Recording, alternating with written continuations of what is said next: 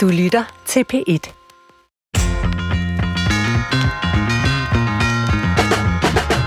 Når jeg har fået en god nats søvn, får det betydning for hele den næste dag. Jeg bliver både et sødere, klogere og mere tålmodigt menneske. Men når jeg så har sovet dårligt, så kan det være en kamp at komme igennem den næste dag. Jeg bliver bare mere træls at være sammen med. Som mange andre har jeg indimellem haft søvnbesvær. Jeg har simpelthen haft svært ved at falde i søvn. Man ligger der og vender og drejer sig, og tankerne farer rundt. Uh, uh, hvad nu, hvis jeg slet ikke får sovet? Hvordan skal jeg så klare dagen i morgen? Min erfaring er, at når man skal falde i søvn, så bliver det ikke bedre af, at man intenst prøver på det. Det er nærmere sådan, at det at sove godt, det er en gave, som man ikke helt kan kontrollere, men man kan selvfølgelig være taknemmelig, når det lykkes. Og i dag skal Brinkmanns Brix handle om det, om søvn, om hvorfor det ofte er svært for nutidens mennesker at sove, og hvad man kan gøre ved det. Så velkommen til. Og Christoffer Heide Højer, producer på programmet, da vi mødte ind her i dag, så øh, så du egentlig sådan okay frisk ud.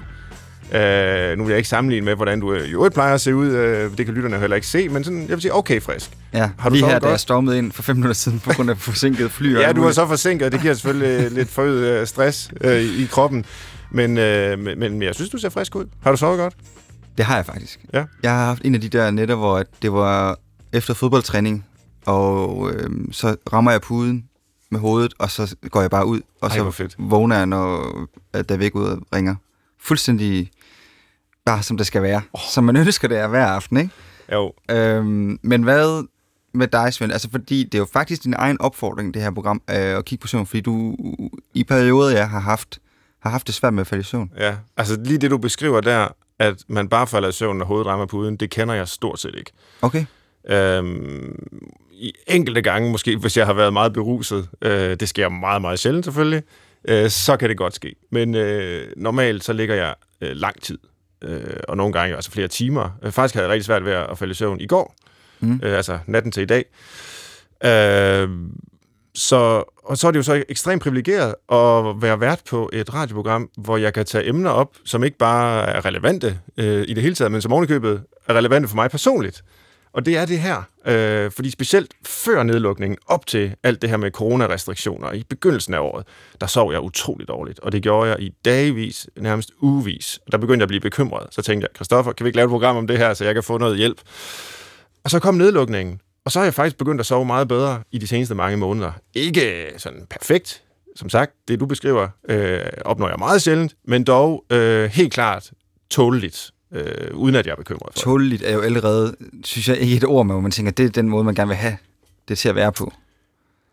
Ja, altså, jeg ved det ikke. Altså, jeg prøver også at lade med at tænke for meget over det, fordi jeg tror også, hvis, øh, hvis man hele tiden går og grubler, får jeg nu sovet nok, og, og netop, som jeg også sagde i begyndelsen, altså, hvordan skal jeg klare i morgen, hvis jeg nu kun får fire timers søvn, eller fem timers søvn, øh, så vokser de der bekymringer bare. Så bliver det endnu vanskeligere at falde i søvn, og Øh, så det, det tror jeg egentlig ikke er så, så frugtbart, men, øh, men det vil jo vise sig også, når vi får det øh, diskuteret med eksperter i dag. Ja, og så lige inden vi hopper til eksperterne, hvor, hvad ved vi egentlig om? Fordi i psykologien får vi ofte at vide, at søvn er ekstremt vigtig. Øhm, det er noget af det, det væsentligste for at have et godt øh, mentalt helbred. Ja. Øhm, men hvad ved man egentlig om, hvad det gør inden for psykologien? Jamen, øh, altså, jeg må sige, nu har jeg jo selv Øh, studeret psykologi, jeg er uddannet øh, psykolog. Jeg har hørt utrolig lidt om søvnen. Nærmest ingenting. Hvilket jo er paradoxalt, øh, fordi som du siger, jamen, det er utrolig vigtigt. Øh, det er jo omtrent en tredjedel af vores liv, vi bruger på at sove. Men jeg fornemmer, at det i høj grad er ved at øh, skifte. At vi nu får et fornyet fokus på det. Og det øh, gør vi jo blandt andet takket være de to gæster, vi har inviteret i dag. Jeg er rigtig glad for, at de er med begge to. Den ene er adjunkt ved Psykologisk Institut på Aarhus Universitet, hvor jeg faktisk selv er uddannet fra. Hvor du, Ali Amidi, forsker blandt andet i søvn. Velkommen til. Mange tak. Dejligt, at du vil være med. Og øh, jeg er sikker på, at du underviser de studerende i øh, søvnens psykologi øh, på en meget mere kvalificeret måde, end, øh, end jeg selv blev udsat for, fordi jeg blev ikke udsat for det.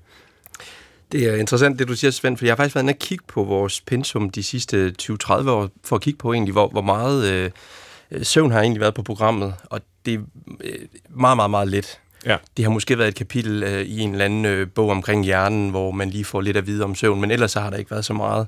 Så, øh, så vi er begyndt at undervise i det på, øh, i et fag, der hedder neurovidenskabelig psykologi, ja. hvor vi kigger på hjernen og forholdet til hvad hedder det, vores adfærd. Men øh, også personligt, så varetager sammen med øh, nogle af mine kollegaer et øh, fag, der handler netop om at prøve at lære de studerende, hvordan øh, hjælper vi folk, der har søvnproblemer, ja. øh, i forhold til veletablerede øh, øh, behandlingsmuligheder, som der, der findes lige nu. Ja, så alene bare på psykologiuddannelsen der, er der sket utrolig meget, øh, siden jeg blev uddannet der tilbage i... Øh, i starten af nullerne. Det er rigtig godt. Vi skal også lige byde velkommen til vores anden gæst, som er lektor ved Københavns Universitet, leder af Cornum Lab, der studerer søvn, forfatter til flere bøger om søvnen, Birgitte Cornum. Dejligt, at du vil være med. Ja, det var så lidt. Tak for invitationen. Det er skønt, du er her, og velkommen også til dig. Så I dækker, kan man sige, både den øh, psykologiske del af søvnen, som, som Ali lige var inde på, og så den øh, mere biologiske del af videnskaben omkring søvn. Og jeg har simpelthen en masse spørgsmål til jer, øh, og jeg ser meget frem til at blive klogere her i dag.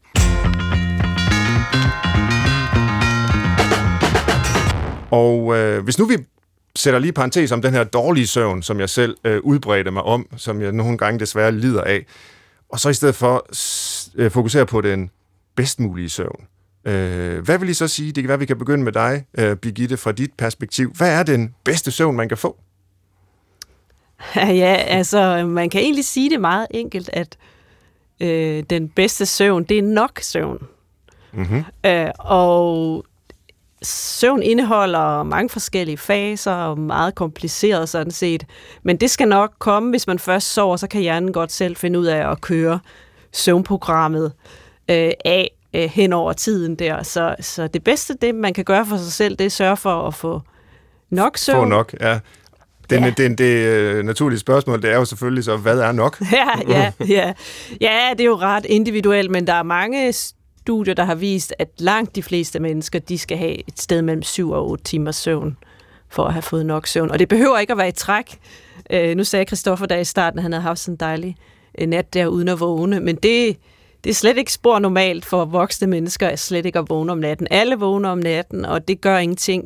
De der syv timer, de behøver ikke at være i træk. Bare det inden for et døgn. Nu kan jeg se, jeg har nemlig udfyldt sådan en søvndagbog øh, som forberedelse til det her. Det skal vi tale om senere. Men der er mange nætter, hvor jeg har registreret, at jeg ikke er vågnet i løbet af natten. Er det så fordi, at øh, jeg ikke kan huske det? Og at jeg faktisk er vågnet, men bare ligesom var søvndrukken, og så bare sovet videre, uden egentlig at have opdaget, at jeg var vågen? Øh, e, e, eller er det reelt ja. sådan, at man kan sove igennem, som man siger? Nej, altså ja. hvis man har sådan en, hvis man har en person inde i søvnlab og måler hjerneaktiviteten, så ser man små opvågninger okay. hos alle. Ja. Men de kan godt være meget korte, og så er det ikke sikkert, at du husker det. Hvis du bare lige vender dig, og så sover du bare videre. Ja. Ali Amidi, hvad vil du svare på spørgsmålet? Hvad er den, øh, den bedste søvn, man kan få? Øh, der er også noget med faser i søvnen, øh, mm. rem-faser, og ja, Birgitte nævnte antallet af timer. 7-8 timer er det bedste, mm. men, øh, men hvad vil du sige? Jamen, jeg er selvfølgelig helt enig med Birgitte, at, at, at øh, nok søvn er vigtig. Hvis man skulle tilføje noget, så øh, længden på søvn er selvfølgelig en ting, men også, at det er øh, god søvnkvalitet, at man har høj søvnkvalitet. Og hvad er søvnkvalitet så? Jamen, det her med at kunne falde i søvn øh, relativt nemt, at man ikke har for meget fragmenteret søvn, det vil sige, at man ikke vågner for mange gange i løbet af natten og ikke kan sove. Øh, der kan også være folk, der vågner for tidligt og ikke kan komme tilbage, øh, mm. eller ikke kan sove videre. Øh, og så selvfølgelig også sådan helt øh, på et subjektivt niveau, føler man sig egentlig udvilet, når man, når man står op om morgenen. Øh, føler man, at, at, øh, at ja, man er klar til, til, en, til en hel dag med, hvad man nu skal af aktiviteter. Øh, og så er det selvfølgelig rigtigt, og det jo binder sig også til det, som Birgitte siger med, med længden, at de her søvnfaser, du snakker om, remsøvn og non-remsøvn eller dyb søvn, det er jo sådan nogle øh, øh, stadier, vi går igennem cyklisk, øh, som, som varer alt fra øh, cirka 90 minutter øh, i gennemsnit. Og jo flere af dem, man kommer igennem i løbet af en nat, jo bedre er det. Okay. Øhm, og der er også lidt i forhold til... Der er til... ikke nogen øvre grænse? Eller hvad, hvis man kunne øh, jo, hvis vi køre en cyklus ekstra ud over de 8 nej, timer, så ville det være bedre? Nej, der er faktisk meget... Øh, der er en del evidens, der tegner, der viser, at, at øh, søvnlængde er selvfølgelig vigtigt, men det er ikke sådan et lineært forhold, således okay. at jo mere du sover, jo bedre er det. Nej. Der er faktisk øh, hvad, hvad kan man sige, undersøgelser, der viser, at når du begynder at sove for meget, og her kan det være lidt svært at sige præcis, hvad der er for meget, men lad os sige mere end 9 timer, så kan der være en sammenhæng mellem sygdom og egentlig også dødelighed. Øh, ikke nødvendigvis, at det er søvnen, der forårsager det, men det kan være, at der er nogle andre ting, der også er på spil, som gør, at du sover for meget. Så søvn er ikke sådan en, øh, jo mere, jo bedre, men, men Øh, og her, så heller ikke for kort søvn, men heller ikke alt for lang søvn. Så et eller andet sted derimellem, som Men de der 7-8 det- timer. Det, du siger der, handler det om, at man sover længere end godt er, når man er syg? Eller handler det om, at man bliver syg af at sove længere end godt er? Altså, hvad er årsager, hvad er virkningen? Ved man noget om Nej, det? og det er jo det, der er lidt svært, øh, i hvert fald øh, når man kigger på det hos mennesker. At det er klart, vi ved jo, vi kender jo alle sammen godt, når vi har feber, så har vi tendens til at sove Ja. øh, mere. Og der er også øh, øh, meget, der tyder på, at immunsystemet og hjernen og, og søvn hænger sammen, på- både altså bidirektionelt, således at søvn betyder noget for immunsystemet, og immunsystemet betyder også noget for vores søvn. Men det kan være lidt svært i de her undersøgelser, som er sådan nogle kæmpe store undersøgelser øh, på befolkningsniveau, at sige, hvad der er hvad. Ja. Øhm, så Det var så den, den måske for lange søvn, uh, Birgitte Kornum, mm. men det vi ofte har, i hvert fald som jeg personligt ofte har svært øh, problemer med, det, det er jo, at jeg synes, jeg får for lidt søvn. Hvad ved vi egentlig om, hvor meget det betyder for helbredet, hvis man sådan ret systematisk sover for lidt? Der er efterhånden en hel del øh, gode øh, studier, der har kigget på det der spørgsmål. Både meget store befolkningsundersøgelser, og for dem ved vi, at det betyder noget på lang sigt for helbredet, både øh, i forhold til hjernens helbred, altså man har øget risiko for demens, men også for kroppen med øget risiko for cancer og hjertekarsygdom og sådan noget, hvis man sover for lidt i meget lang tid. Mm. Så er der sådan omvendt nogle meget korte studier, måske en-to uger, hvor man kan lave det ekstremt kontrolleret. Og der kan man se, at bare en uge for, med for eksempel 6 timer søvn hver nat, så forringes hjernen, altså så har man dårligere reaktionshastighed, og man har svært ved at koncentrere sig, man, man bliver lidt man opfører sig lidt dårligere over for sine mm. øh, kolleger og familie og så videre. Ikke? Så, så der er både sådan meget kortsigtet, der er det mest hjernen, der tager, det går ud over, og på lang sigt kan det gå ud over mange forskellige ting. Men når du siger, at det kortsigtede kan gå ud over hjernen, så mm. håber jeg ikke, at det er i form af som siger, varige skader på hjernen. Altså det, det, det lyder også på det, du siger, som om det mere er altså adfærdsændringer, man så ja. ser. Man bliver mere irritabel og, og, og måske dårligere intellektuelt øh, fungerende og sådan noget. Men jeg håber, nu det er et ledende spørgsmål, jeg håber, du svarer bekræftende, at hvis man så igen begynder at sove de 7-8 timer, at det så kommer tilbage på et normalt niveau for en. Ja, at det ser ikke ud til, at det var i skader. Altså, det, det, er lidt, det er svært at, at præcis studere det Ja. ja. der, men det, man har forsøgt, altså det tyder på, at man kan godt vende øh, den dårlige, øh, vane, de dårlige vaner, eller en dårlig situation, man er havnet i, og så begynder at sove mere, og så får man det også bedre Ja. øh, psykologisk set, eller kognitivt. Eller. Altså, der er jo nogen, der taler om, at vi skal til at betragte søvn øh, og, og problemer med at sove, altså nærmest på lige fod, eller på linje med, øh, altså alle, man taler om kost, rygning, alkohol og motion, og de her øh, faktorer, som helt overordnet har stor betydning for folkesundheden. Og, og, og du nævnte i forbifarten, Birgitte, her, at mm. der er også noget med nogle øh, risici for cancer og sådan noget. Mm. Altså, hvor, hvor, hvor store risici er det, for nu at, at spørge på den måde? I forhold til, øh, hvis man sover nok. Altså, hvor, hvor bange skal man være, hvis man nu sidder som lytter i dag og hører det her og siger, oh, jeg synes da kun, jeg får en, en 6, 6,5 øh, time. Øh, er min risiko for at udvikle cancer øh, forstørret af den grund? Øh, ja, altså skåret over en, en kamp, så ja, så er den øget. Men det er selvfølgelig ikke alle, der sover for lidt, der udvikler cancer. Det kommer an på, hvad man ellers har af risikofaktorer i sit liv, og genetisk, og det ene og det andet. Altså, man kan være på vej ned ad mange forskellige baner, ikke? Der er også nogen, der har en øget risiko for Alzheimer's sygdom, og så hvis du sover for lidt, så vil du putte lidt oven på den risiko. Jeg kan ikke præcis et Nej. tal.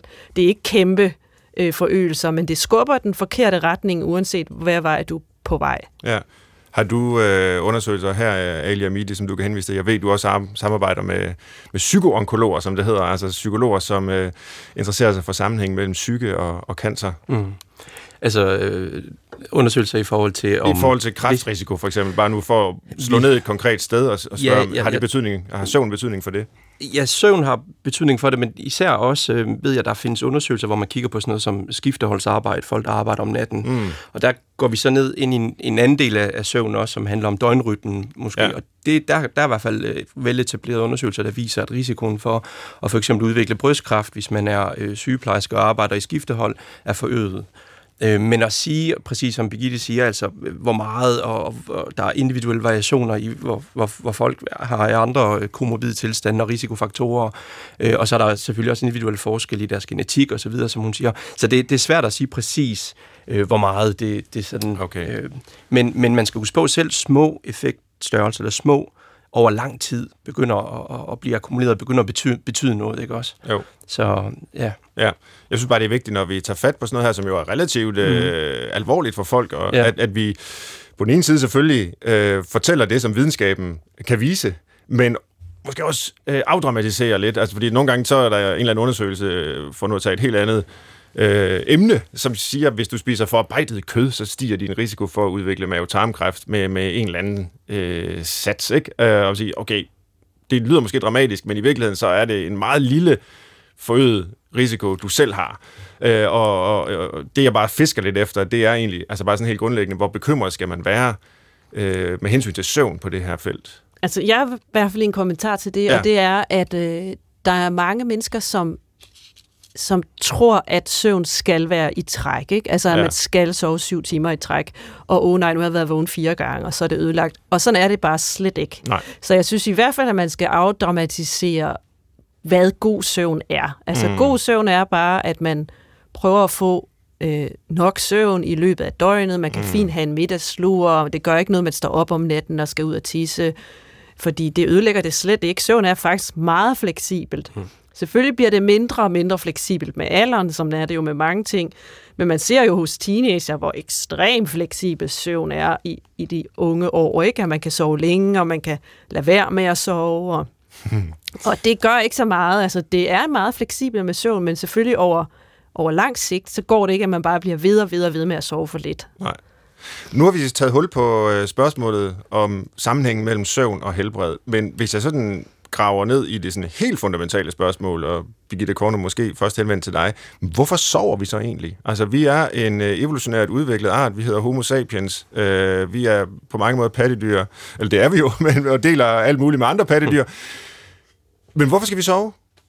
Det virker som øh, utrolig spild af tid, og det virker som om, at evolutionært det har været rigtig dumt, at vi skal udsætte os selv for fare ved ikke at kunne øh, have øjne og ører åbne øh, i så mange timer i døgnet. Ja, ja altså, det, alt efter hvem du spørger, så får du fors- lidt forskellige svar på det spørgsmål. Mit svar er, at vi sover, fordi det er prisen for at have en hjerne. Altså, Okay.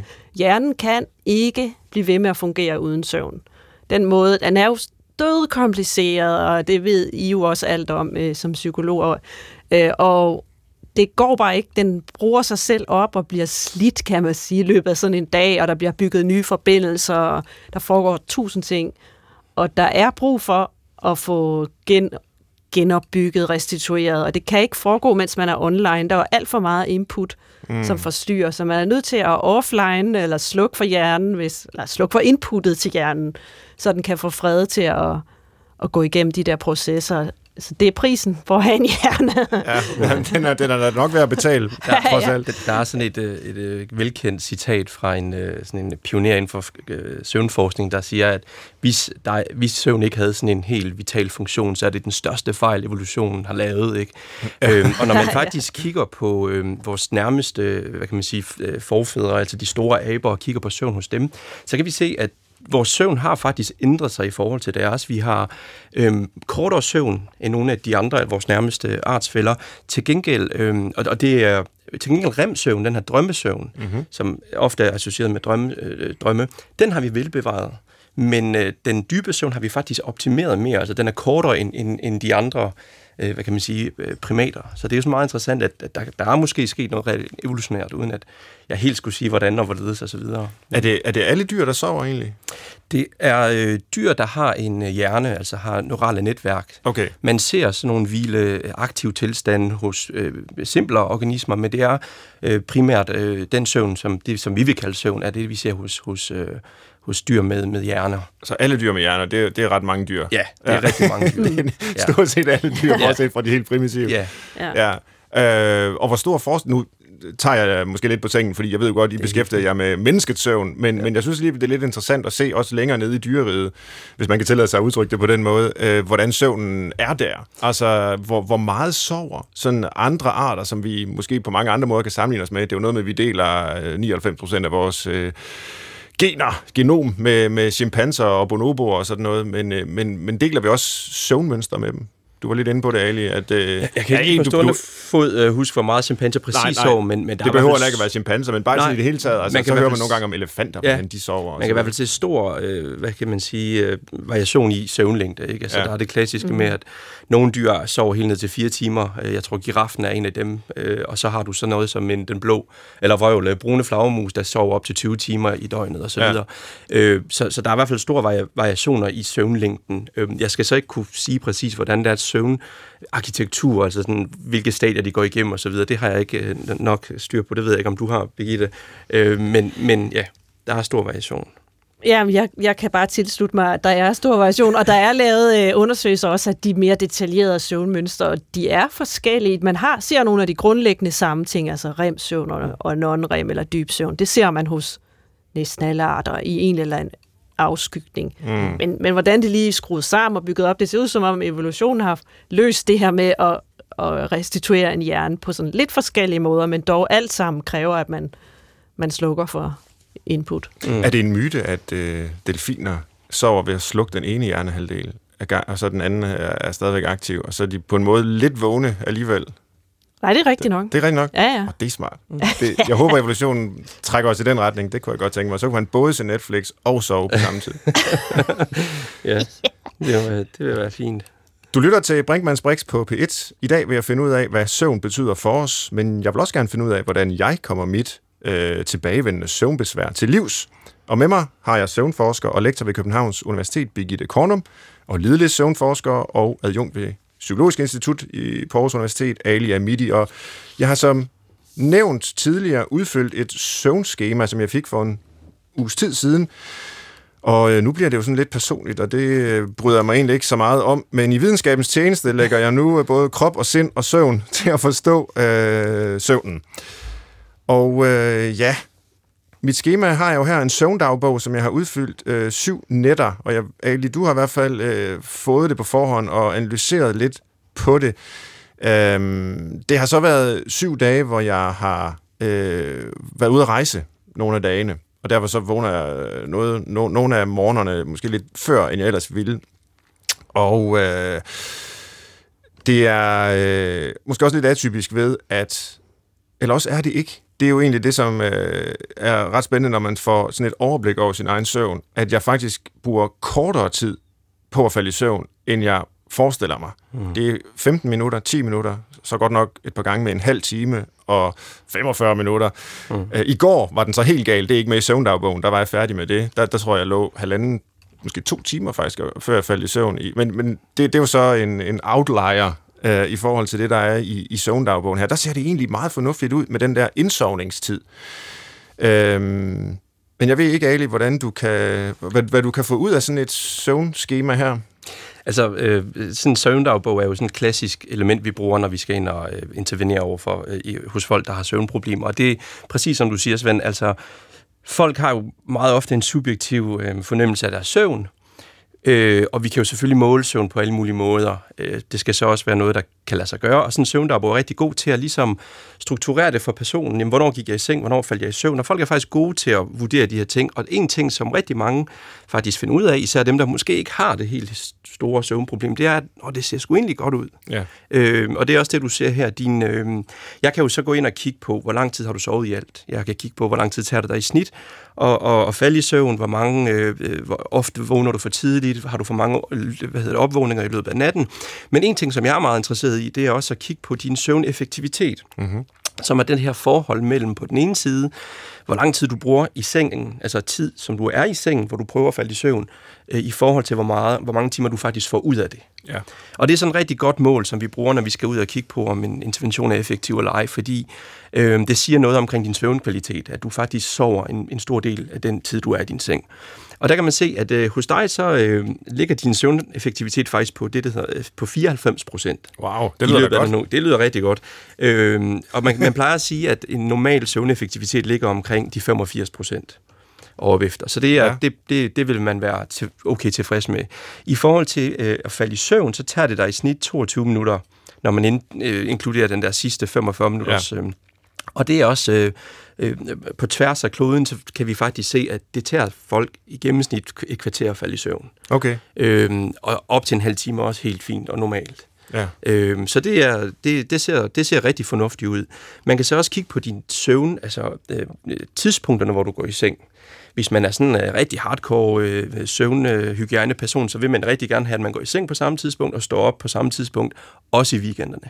Ja. Øh, Vi ved for eksempel, at danskerne står op øh, i snit 45 minutter senere i weekenderne, end de gør i hverdagen. Øh, og det er jo selvfølgelig noget at gøre med, at øh, i hverdagen er vi på arbejde og så videre, men, men og der synes jeg egentlig også, det ser fint ud. Du går i seng klokken ved, mellem 11 og 12 de fleste nætter, øh, Ja. og står op øh, relativt konsistent omkring syvtiden. Ikke? Så er der lige nogen, øh, jeg kan se her, jeg tror det her, det må være weekender, hvor du står op klokken halv ni. Ja. Øh, så jeg synes overordnet, det ser rigtig fint ud. Men der har jeg jo faktisk også øh, noteret mig i hvert fald en af dagene der, eller en af morgenerne, ja. At jeg vågnede tidligere end planlagt. Ja. Det var fordi, jeg egentlig havde håbet på, at jeg kunne sove længere i weekenden. Og. Ja. det synes jeg i stigende grad efterhånden, som øh, alderen øh, vokser, eller hvad man siger, at det bliver vanskeligere. Ja. Og det er måske også øh, ganske typisk, altså det er jo i hvert fald noget, man hører ofte øh, altså, Der ja, ældre det- mennesker sige, at de, de er simpelthen Ja. svære ved at sove, og specielt sove længe. Ja, helt sikkert. De, man kan sige, de mekanismer, der er i hjernen, som styrer vores søvn og, og vågenhed, øh, der sker nogle forandringer både på sådan neu- neurotransmitterniveau, men også ændringer i selve hjernen. De receptorer, der står for at øh, ligesom gøre dig søvnig, øh, virker mås- mås- måske dårligere. Og så sker der også det, at din hvert fald rigtig øh, ofte, at man faktisk begynder at blive mere mere et morgenmenneske, i forhold til, man har været- været, især hvis man er mand i hvert fald. Øh, så, så det bliver sværere at, at, at sove længere, det bliver færre, sværere at falde, så alt bliver egentlig sådan set dårligere, når man bliver Åh, ældre. Øh, men, øh, men det er også vigtigt at påpege, vil jeg sige her, at, at det ikke, der er mange, der tror, at, at, at skulle sove mindre, at man har et mindre søvn, søvnbehov. Øh, men sådan, det vi ved, det er, at stadigvæk de der 7-8 timer er faktisk sikkert gældende for selv ældre. Øh, og så må du øh, rette mig, Birgitte, hvis du er uenig. Men jeg, jeg tror sådan sikkert, at, at det, det, søvnbehovet er det samme. Ja. Det bliver bare sværere at sove. Så kan man måske øh, indhente noget af det med en middagslur, når man bliver Det kunne man prøve i hvert fald. Der er vist kun én ja, du har kun de her, en lur. der har jeg, jeg har en lur, det var faktisk i et fly øh, ja. på vej til eller fra, nu kan jeg ikke lige huske, hvor den er, men Færøerne, hvor jeg, hvor jeg var nogle dage.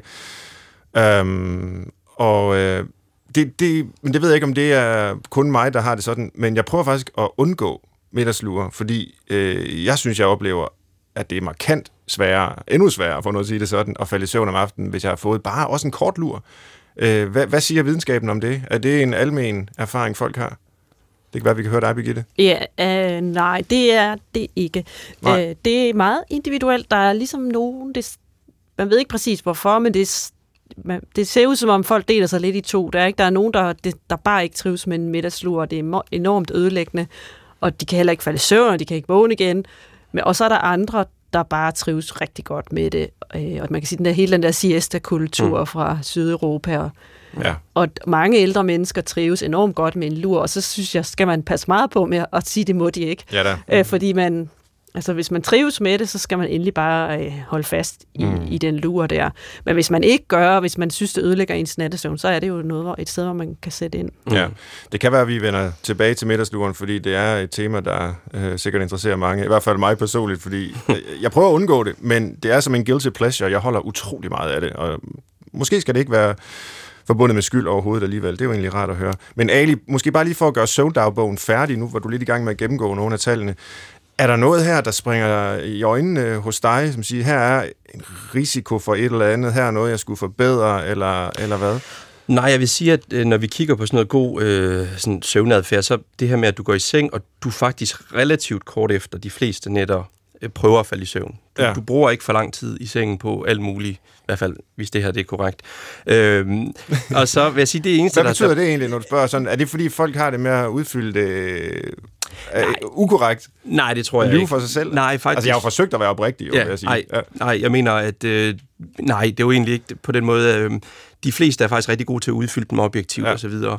Øh, men nogle gange ser vi jo, at folk godt kan lide at, at være i sengen og hygge og Ja. øh, med øh, Netflix og bruge flere timer på det. Og der er så, det kommer vi måske ind på senere, nogle ting, som man skal være opmærksom på. I forhold til de øh, skema her, der, der bemærkede jeg, og det giver så mening, når du siger, at du har rejst, at du havde de her nogle dage med en hel times tidligere opvågning. Mm. Øh, men det siger du så, det jo fordi, du var på færøerne, og der, var en, der er også en Der er tidsforskel en, en times tidsforskel, ja, så, Ja, så det kan jo så- simpelthen hænge sammen med Ja, det. så det, det ellers så synes jeg ikke, der er noget, der, der springer sådan i øjnene. Øh, Det er egentlig meget beroligende, og jeg må ja. Ja. indrømme, og som jeg også sagde før, altså alene det, at jeg selv ser det her schema, og ligesom får et overblik over min søvn, synes jeg egentlig var rart, og mm. fordi det var beroligende. Mm. Øhm, ja. Er det noget, alle bør føre, sådan en søvndagbog? Øh, nu, nu kan vi jo øh, ligesom gå igennem øh, for for åben mikrofon her, hvad, hvad, hvad er det, man skal gøre som, øh, som person, der har svært ved at sove? Det vender vi tilbage til om lidt. Men er det et af de redskaber, der helt almen kan anbefales at føre en søvndagbog, Ali? Jeg vil sige, hvis man har, er tilfreds med sin søvn og sover fint, så synes jeg ikke, der er nogen grund til at begynde at fokusere mere på det. Nej. Jeg har også hørt øh, øh deltagere eller patienter sige, at de bliver stressede af at skulle sidde og fokusere på deres søvn på, på den måde. Men hvis man er interesseret i, at, øh, at hvorfor er det der nogle gange, jeg lige øh, har svært ved at sove, så kan det være en god idé at udfylde og se, jamen, hvad er det egentlig, der sker systematisk? Er det de dage, hvor jeg ligger mig for tidligt? Mm. Er det fordi, jeg egentlig ligger og svinger alt for meget i forhold til, hvornår jeg går i seng og så mm. videre? Eller øh, man kunne også øh, inkludere spørgsmål omkring, hvor mange genstande alkohol har jeg drukket den dag og så videre. Så, så hvis man er lidt interesseret i at, og har en lille problem, men ikke større, så, så kan det godt være hjælpsom. Ja. Det synes jeg. Og det er jo her, og nu må I jo så bare øh, jeg svare, som I vil selvfølgelig, men, fordi det er måske ikke en del af programmet sådan øh, hovedspor, men jeg har alligevel tænkt lidt, både da jeg førte den her søvndagbog, og nu hvor vi taler om det, at der måske er sådan en optimerings... Øh, det er også en del af den her selvmålingsbølge, som skyller ind over os, at alt, der ligesom kan forbedres i vores liv, det skal forbedres, og søvnen var jo nærmest den sidste lille oase, vi havde, hvor vi bare kunne sove, hmm. altså uden at bekymre os mere om det. Alt, hvad vi gør i vores vågne liv, det er jo efterhånden effektiviseret, optimeret og overvåget, og øh, vi har apps til at monitorere det ned i mindste detaljer osv. Kunne vi da for pokker ikke bare have søvnen for os selv? Der er også virksomheder, der har søvncoaches, og folk har biometriske armbånd, der måler, hvor meget de sover, lidt som jeg selv har registreret her. Øh, er det ikke også lidt for meget? Altså, Birgitte Kornum, hvad, hvad siger du til det, som en, der arbejder med søvn hele tiden? jeg synes, du har en rigtig god øh, pointe i, at det, det kan nemt blive for meget, og Ali siger jo også det der med, at folk, det kan godt være meget stressende, hvis man pludselig også skal til at være meget opmærksom på sin søvn. Men altså omvendt, så er der også folk, som efter min mening er for lidt opmærksom, og mm. ikke får gået i seng i ordentlig tid, og simpelthen ikke tager den del af, af døgnet alvorligt nok. Så det er jo lidt en balance. Jeg synes, det er rigtig fint at informere, ligesom det her program også øh, har til formål, så folk i det mindste kan, kan tage en beslutning selv om, hvor, hvor de ligger henne i det der spil. Mm. Og hvis jeg må udfordre dig lidt, Svend, mm. så vil jeg sige, jamen, øh, hvis man øh, skulle få så meget ud af folk som muligt, så kunne man jo også sige, jamen, så sov mindre og være på arbejde. Det, det ser vi jo mm. rigtig mange steder.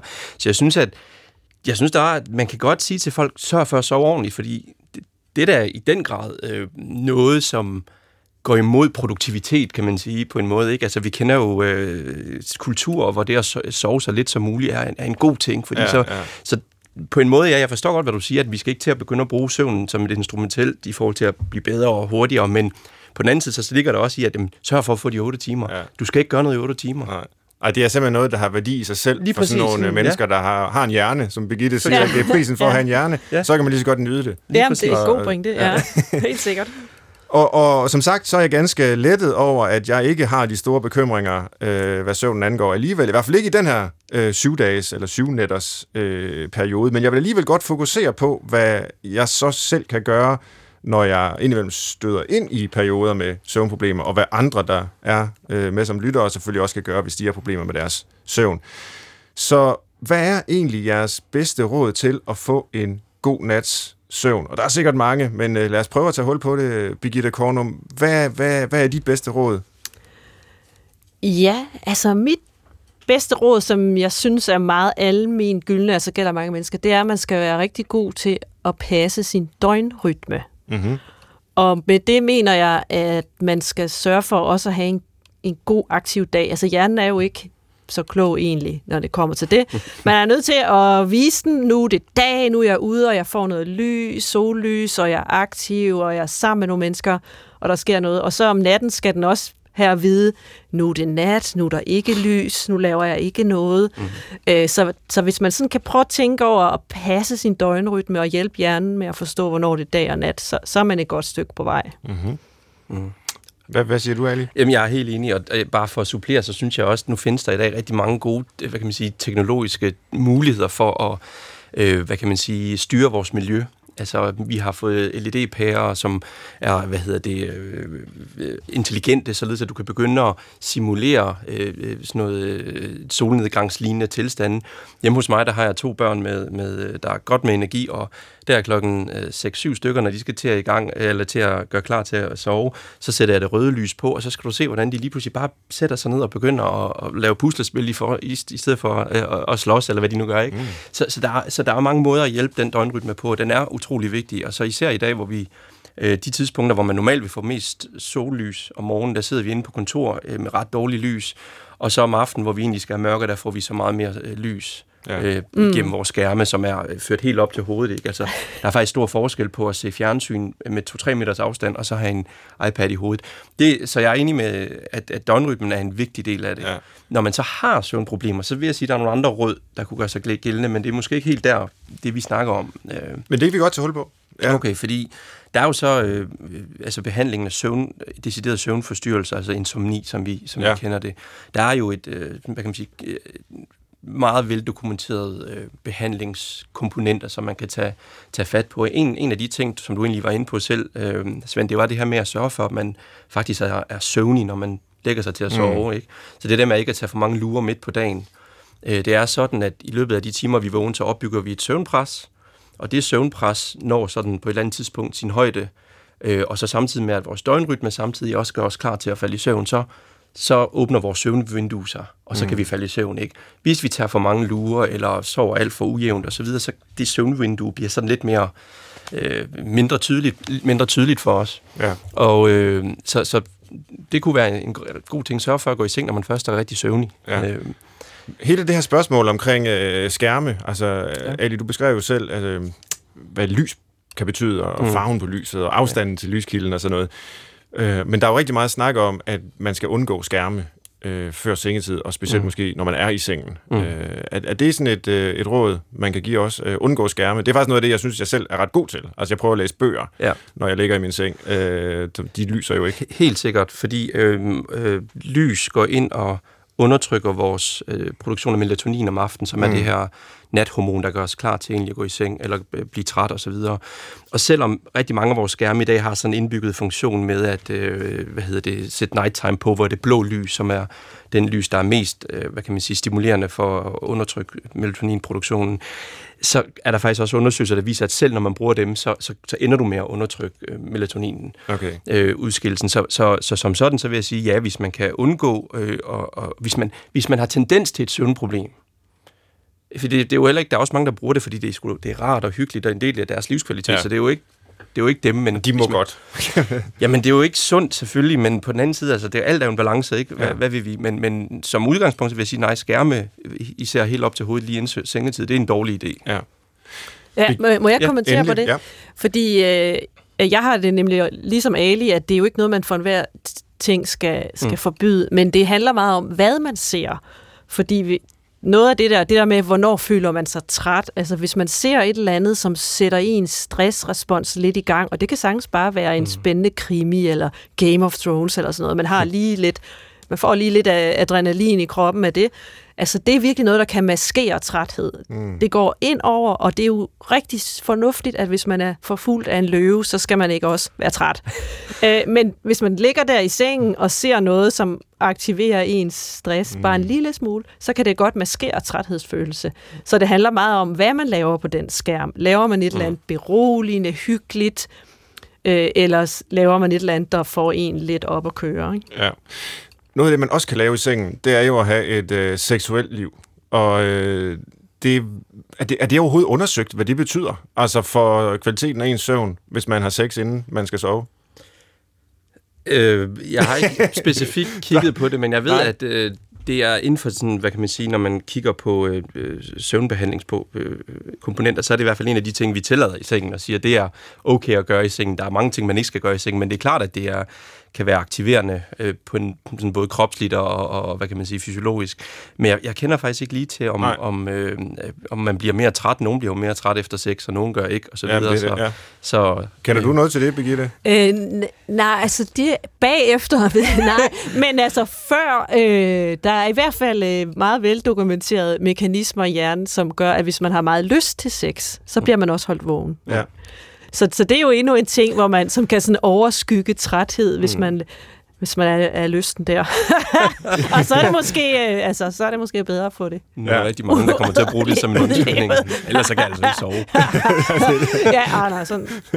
Ja. Nå, nu, nu, nu taler vi sådan om øh, det psykologiske, om det seksuelle, om at indrette et øh, miljø, kan man jo også sige, i, i, i sengen, og måske i soveværelse med lys og sådan noget. Kunne man ikke også bare sige, tag nogle sovepiller? Altså, så slipper vi for alt det her bøvl med at, at tænke om det ene og det andet osv. Så, så går vi direkte til et teknologisk fix, der, ja, der fikser det for os. Øh, Birgitte, er det noget, som øh, du anbefaler? Nej, det er det virkelig ikke. Øh, og det er, det er der en bestemt grund til. Det de gængse sovepiller, øh, der findes, de øh, går ind og, og hæmmer hjernen, og det, så det sådan set ikke er altså ligestille med søvn, fordi det de gør er, at de får godt nok en i noget, der ligner dyb søvn, men de fjerner remsøvnsfasen. Mm. Og det gør de? Ja.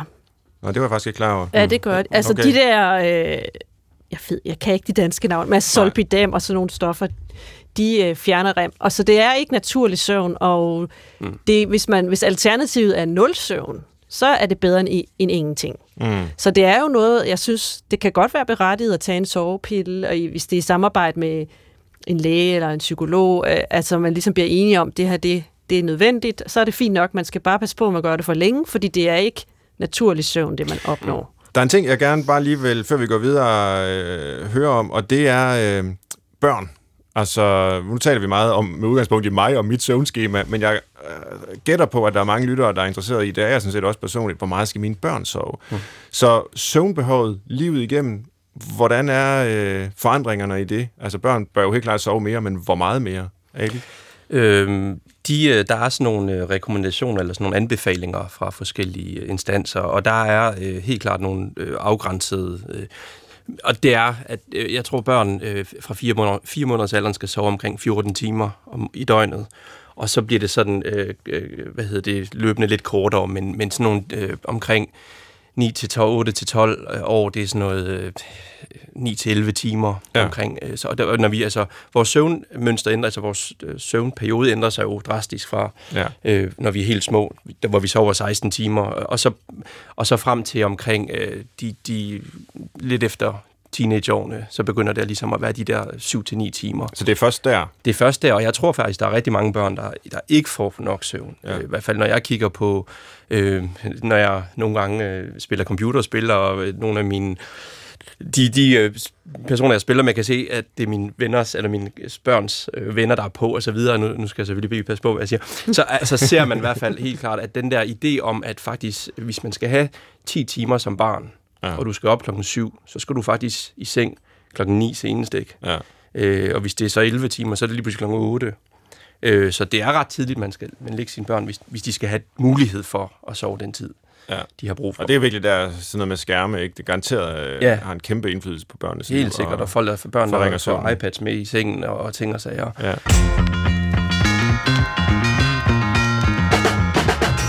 I dag i Brinkmanns Brix taler vi om søvn. Og det gør jeg sammen med adjunkt ved Psykologisk Institut på Aarhus Universitet, Ali Amidi, og med lektor ved Københavns Universitet, leder af Kornum Lab og forfatter til flere bøger om søvn, Birgitte Kornum.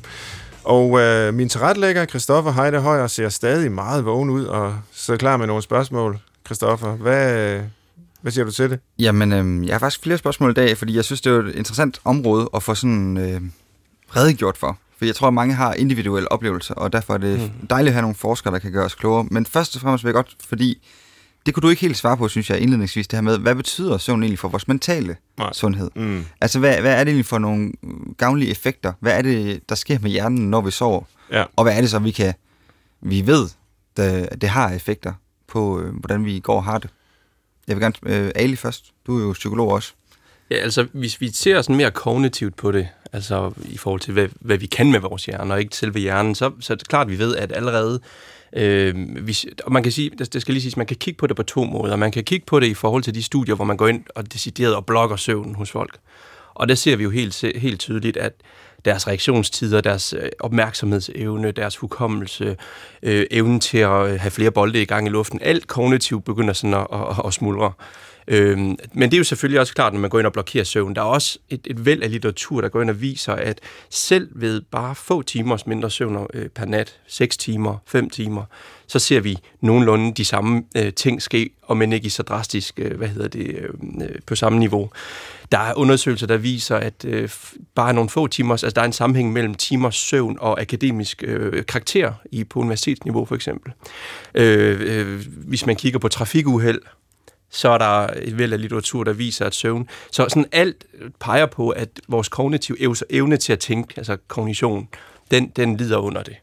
Øh, så, og så er der selvfølgelig alt det emotionelle, at, som du også sagde øh, i, i starten, at man kan blive mere cranky og emotionelt øh, labil. Man kan, så, så jeg vil sige sådan, på et psykologisk niveau, så vil, så vil alt være påvirket som en funktion af, hvor lang tid man har sovet. Mm. Kan du bakke det op, øh, Birgitte? Ja, i høj grad. Jeg, jeg er helt enig med det der. Må jeg følge lidt op, fordi øh, ja, jævnfør Christoffers første spørgsmål her, øh, så et er den her performance, den kognitive formåen, den emotionelle ustabilitet eller labilitet, der kan opstå med, med for dårlig og for lidt søvn. Men hvad med de steder psykiske lidelser? Altså, hvad ved vi om sammenhængen der? Øh, noget, jeg læste for, for noget tid siden, øh, det er vist nok en gammel øh, Øh, teori, det er, at man øh, kan hjælpe mennesker med depression ved at holde dem vågne en nat. Øh, det er jo så lidt det omvendte af, hvad vi taler om her, men det ligesom er, øh, altså gør dem så trætte ved at holde dem vågne en hel nat, at når de så falder i søvn den næstfølgende nat, øh, så er det som om, at hjernen måske har fået øh, en, en genstart, og, og, og det kan hjælpe rigtig mange, der har symptomer på, på depression. Bare som et eksempel på noget, hvor, hvor der er en klar sammenhæng, hvis der ellers er noget om de øh, undersøgelser der og teorier, mellem søvn og, og, og den, ja, her depression, men måske også psykiske lidelser mere almindeligt. Er det noget, I kender til? Øh, ja, altså ja. jeg kan lige kort øh, kommentere, for det er nemlig rigtigt nok det der med, at hvis man holder en depressiv patient vågen, så vil de få forbedret deres symptomer. Men lige så snart de sover, så er de tilbage. Okay. Så det er noget, der sker, mens man er vågen. Altså, der sker mm. et eller andet ved, når man er for vågen så længe, så, så rykker der sig nogle ting i hjernen. Men det er desværre ikke en effekt, der står, kan stå alene. Der er nogen, der prøver at kombinere søvnmangel med andre typer terapi, og så ser det ud som om, det måske kan have en lidt mere veje mm. gavnlig effekt. Men, mm. Mm. Og så ved jeg også i forhold til, øh, altså, der er meget, der tyder på, at søvn er jo i forbindelse med de her typer af sygdomme, du snakker om, der er, der er søvn påvirket. Mm. Men samtidig bliver den dårlige søvn også med til at påvirke symptombilledet osv. Så, ja. så det er sådan et kompliceret bidirektionelt øh, hvad hedder, mm. forhold, og det kan have noget at gøre med hjernen og de neurotransmittersystemer, som er med til at regulere søvnen, er meget ofte også er ramt under de her forskellige neurodegenerative lidelser eller psykiatriske lidelser. Mm. Så, men det er sådan et kompliceret forhold, som, som det kan være lidt svært at finde ud af, hvad, hvad det ligesom er. Det lyder som om, det både er det, hvad angår det psykiske, vi taler om nu, og det fysiske, vi talte om tidligere. Altså sådan et konstant hønnen og ægget ja. forhold, ikke? Altså, man, øh, man sover dårligt, fordi man bekymrer sig, og næste dag bekymrer man sig, fordi man har sovet dårligt, og så ja. bliver man depressiv, og, og det, det, det ligesom bider sig selv i, i halen. Ja. Øh, og ja, det vi så skal, det er jo selvfølgelig at bryde med den slags, eller få brudt den slags negative mm-hmm. øh, cirkler eller spiraler. Ja, jeg vil godt lige, inden vi går videre, så et sidste spørgsmål så. Fordi øh, mm-hmm. nu hørte jeg jo det her med Netflix i sengen. Og øh, i hvert fald min generation, også lige omkring 30 år, og nok også en del af dem yngre endnu, kender til det, at man har en skærm med i seng, og bruger måske den sidste del af aftenen med os, og måske endda også noget af natten, på at se et eller andet. Øhm, Ali, du var inde på, at der, der, man skulle gøre det på en rigtig måde, eller hvad, altså, kan man stadig få lov til at gøre det, eller er det bare no-go? Okay, så lad mig sige, fordi det ligger jo lidt i det, at man vil gerne gøre det. Ja. Er det ikke rigtigt? Jo. Så vil jeg sige, jamen så, hvis man har mulighed for det, så sådan helt lavpraktisk, så her et, et tv på væggen længere væk end en iPad i hånden lige i hovedet. Det kunne være sådan en helt lavpraktisk mm. øh, øh, forskel. I øh, for eksempel søvnbehandling, øh, når vi går ind og har folk med søvnforstyrrelser, så, så siger vi også til dem meget ofte, at du skal ligge der i sengen og sove, men hvis du så vågner, og ikke kan, eller hvis du ikke kan falde i søvn, så skal du gå ud og lave noget. Og der er det okay at sidde og se tv på lang afstand, og som Birgitte siger, ikke at se noget, der er voldsomt... Øh, dysregulerende, jeg ved ikke om man, Matador er vel okay, det kan også godt være ret dysregulerende, men, men et eller andet, som er sådan lidt mere low-key. Der vil jeg sige sådan, den der distance afstanden, fordi lysintensiteten betyder noget, og den vokser altså øh, hvad hedder det, eksponentielt i forhold til, jo tættere man får dem, jo større betydning får det for, ja. for øh, døgnrytmesystemet. Og, hvad med lyd? Nu er det altid øh, ja. lys og øh, ja, Netflix og den slags, vi taler om, men altså man kan også høre podcast jo, for eksempel Brinkmanns Brix, hvis man ikke kan falde i søvn. Øh, har det nogen... Øh, Det har en stor effekt på søvn. Nej. så falder folk i søvn lige med det samme.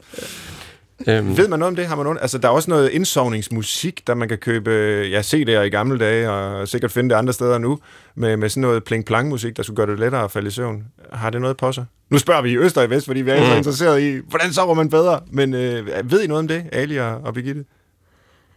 Uh, ja, altså lyd generelt behøver ikke at være særlig forstyrrende for Nej. søvn, uh, så det kan man sådan set roligt, og det, det handler i alt sammen om, hvor spændende er det, det man hører. Ja. altså Brinkmanns ja. Brix, det kommer an på, hvor spændende man synes, det er. Men hvis det sådan er ikke alt for spændende, så er det rigtig godt at, at falde i søvn til. Og jeg vil sige, sådan en lydbog er meget bedre end en skærm. Mm, okay. så findes der jo også afspændings, øh, hvad kan man sige, optagelser Ja. osv., som er med til at hjælpe en med sådan nogle ting. Det kunne også være en idé. Vi nærmer os så småt afslutningen på programmet, men jeg vil rigtig gerne nå også lige at øh, vende det øh, emne, der kunne kaldes måske søvnens kulturhistorie. Altså, vi har talt rigtig meget om det psykologiske, vi har talt om det biologiske og det neurologiske, men hvad med det, at vi jo også har altså, sige, kulturelle mønstre, som varierer? Og noget af det, øh, jeg i hvert fald har interesseret mig en lille smule for, det er det her med, at vi måske som øh, samfund og kultur sover mindre og mindre. Øh, nu vil jeg så kaste ud til jer og høre, om I ved noget om det, men, men jeg har i hvert fald læst sociologiske undersøgelser, hvor de øh, hævder, at vi sover måske to timer mindre, end man gjorde i 1800-tallet. Måske en halv time mindre, end vi gjorde i 70'erne, altså i det 20. århundrede. Øh, er, er det bare øh, øh, myter, eller, eller øh, ved vi noget om det? Hvis vi kigger på i hvert fald danskernes søvn de sidste 40 år, ja. og der er jo igen, som vi var inde på, så er der forskellige måder at måle søvn på. Så er der ikke noget, der sådan i det store hele tyder på, at vi sover mindre. Okay. Det er stadigvæk de der 7,5 timer. Ja. Øhm, så er der måske, øh, til gengæld hvis man spørger om folk, de har søvnproblemer, øh, der var den der danskernes sundhed i 2017, så er der alligevel en, en lidt større andel, der, der begynder at... Men rent søvnvarighedsmæssigt, så, så øh, i hvert fald er der ikke den, de helt store... Jeg ved godt, man taler tit om, at der er de her kæmpe store øh, problem, øh, hvad hedder det, befolknings, øh, hvad hedder det, problematikker, der gør sig gældende i forhold til søvn. De undersøgelser, der er sådan nogle større systematiske reviews, der om, om, hvor man kigger på aktigrafi, altså det her med at bære de her uger, eller polysomnografi, så ser det ikke ud til, at der er så store ændringer de sidste 30-40 år i vores søvn. Okay. Øhm, så er der måske nogle steder, hvor andelen af folk, der sover mindre end 6 timer, stiger. Så ikke på et gennemsnitsniveau, men, men flere, der måske på grund af deres arbejde eller andre ting. Hvordan det forholder sig i forhold til øh, 1800-tallet og så videre, det ved jeg ikke sådan lige på stående fod, men jeg ved, der findes undersøgelser, hvor man har gået øh, ud og fundet sådan nogle øh, præindustrielle samfund, øh, eller folk, der, der og kiggede på deres søvn. Og der var ikke noget, der tydede på, at de sov længere, i hvert fald i de undersøgelser, jeg har set. Faktisk, der så det ud, som om de sov relativt sådan omkring de der, måske lidt mindre, end vi faktisk gør i det industrielle samfund. Og præindustrielle, er det sådan, jæger Uden samler lys, ja, folk? lige og præcis. Som, ja. Hvor der ikke er øh, lys, altså lysforurening og så videre. Og, mm. øhm, og der kunne man i hvert fald se, at de sov. Øh, og så var der, og så er der også en anden del af, omkring det her med det kulturelle, om hvor, hvorvidt vi sover i en lang chunk. Og, og Birgitte ja. var inde på, at det, man kan lige så godt sove flere. Og i de undersøgelser, jeg har set, så er der nogle steder, hvor der er evidens for, at man måske sov mere sådan fire timer, var lidt vågen og sov øh, fire timer igen, den her sådan polyfasiske søvn.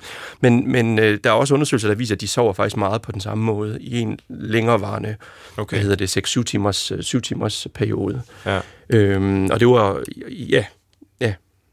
Er det noget, du kender til, øh, Birgitte, altså hvordan øh, søvnen også er sådan kulturhistorisk varierende, og ikke kun en, øh, en biologisk konstant? Nu siger Ali så godt nok, at der er faktisk meget, der tyder på, at det er måske ganske universelt, det er sådan, jeg hører det, du siger, mm. hvordan vi sover, men, men, øh, men der er ja. Måske også nogle øh, mønstre, hvor det varierer. Ja, altså jeg, de, de, de samme øh, undersøgelser, der, som Ali refererer, kender jeg også til. Men Ja. det er jo ikke noget, der er lavet su- super meget af, og Nej. jeg synes overordnet, så det billede, der sådan former sig, det er det der med, at søvn er sådan set ret fleksibelt, og hvis mm. det kulturelt har været øh, hvis der har været en anden måde at indrette det på, mm. nå jamen, så har folk bare fulgt det, og så længe man sover nok i løbet af døgn, så gør det ikke så meget, hvordan det er indrettet. Mm. Altså, det, det skal man ikke tage så tungt. Ja. Så vi er sådan set tilbage, hvor vi begyndte. Det gælder om at sove nok. Og jeg kunne tænke mig at invitere jer med til at lave den her øh, traditionelle liste, som vi gerne afslutter programmet med, hvor det så ikke handler om, hvordan man kan sove nok, men øh, hvor det i stedet for handler om, hvordan man får en rigtig dårlig nats søvn. Hvis I kommer med input, så kan vi lave sådan tre gode råd til, hvordan man får øh, den dårligst mulige nattesøvn. Øh, har, I, har I input til det? Så, så Skal vi Ja, blive jeg om, synes- omvendt øh, public, jeg synes, public I- disservice. I hvert fald, man skal drikke en halv flaske rødvin. Ja, Ja. det er faktisk et rigtig Eller godt kaffe. råd. Ja. Ja, Eller gen begge dele. og måske en kop kaffe bag. Ja, Først ja. rødvin, og så Ja. lige en Ja, kaffe. Lige præcis. Så Drik, man drik en sådan, halv flaske vin, inden du skal sove. Sådan en helt almindelig aften på en restaurant. Derefter en ko- og så lige en espresso, og Ja. så kan du være sikker på, at du sover dårligt. Altså, der, er jo, der er jo rigtig mange mennesker, der Ja. sidder og drikker aftenkaffe. Ja. Altså, Ja. Og det, det, Og det den- vil jeg sige, det er, det er dumt. Ja, det er rigtig dumt. Det er dumt. Og Okay. også når man, og ikke kun bare aftenkaffen. Hvis man ser på, hvor lang tid det tager for, for caféen at nedbryde, så det er faktisk øh, inden fem, sidste kop inden fem, eller noget af den stil. Ikke? Ja. Ja, jeg er helt enig. Og når man så har drukket en halv flaske vin og, og kaffen, så tænker jeg, at man skal øh, lægge sig i seng, og så begynde at stresse over, hvorfor man ikke kan falde i søvn. Ja. Det er, det, det er rigtig god virkelig stress. rigtig, rigtig godt. Ja. Godt råd. Super godt råd. Ja, man skal ikke virkelig at tænke Stress over, over, at du ikke kan hvor falde i svært søvn. det er at sove. Ja. Ja. Jamen, det er jo opskriften på, Man kunne måske også på min lige lørdag aften, øh, spise, måske spise nogle kiks, Okay. Ja. ja. så man får lidt krummer, Ja. krummer i sengen. Er det, er det fordi, at... Mens øh, man stresser, så kører man Ja. lige nogle... Øh, er det fordi, det føles ubehageligt at mærke krummerne, eller har Ja. det noget at gøre det. med, med det, at man får mad? Nej, nej, det er Nej, jo for okay. grund af krummerne. Okay. Og hvad skal det sidste sådan øh, Ja, være? vi har allerede mange, men lad os bare få flere på, hvis I har input. Det, det er også et spørgsmål. Altså, Og så skal man, når man så gør det her hver dag, så skal man sørge for at gøre det på forskellige tidspunkter hver dag. Okay. Så den ene aften klokken Ja. ja. 9, den anden aften klokken 12, så sådan hele tiden varierer i sine, hvad hedder det, sengetider, Ja. og, og drikketider og spisetider. ja. Jeg summerer lige op. Drik en halv flaske rødvin. Drik derefter aftenkaffe i rigelige mængder.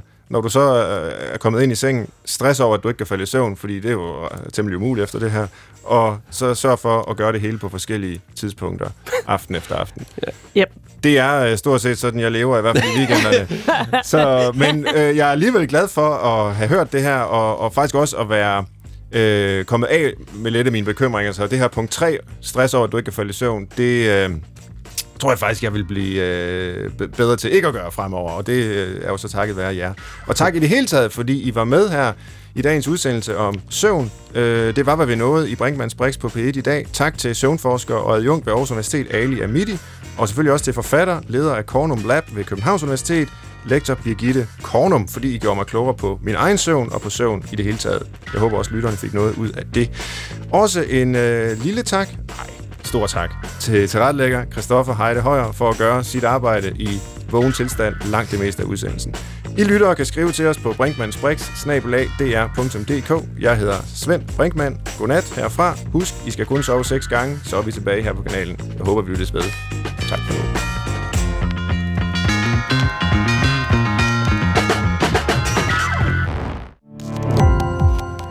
Gå på opdagelse i alle DR's podcast og radioprogrammer. i appen DR Lyd.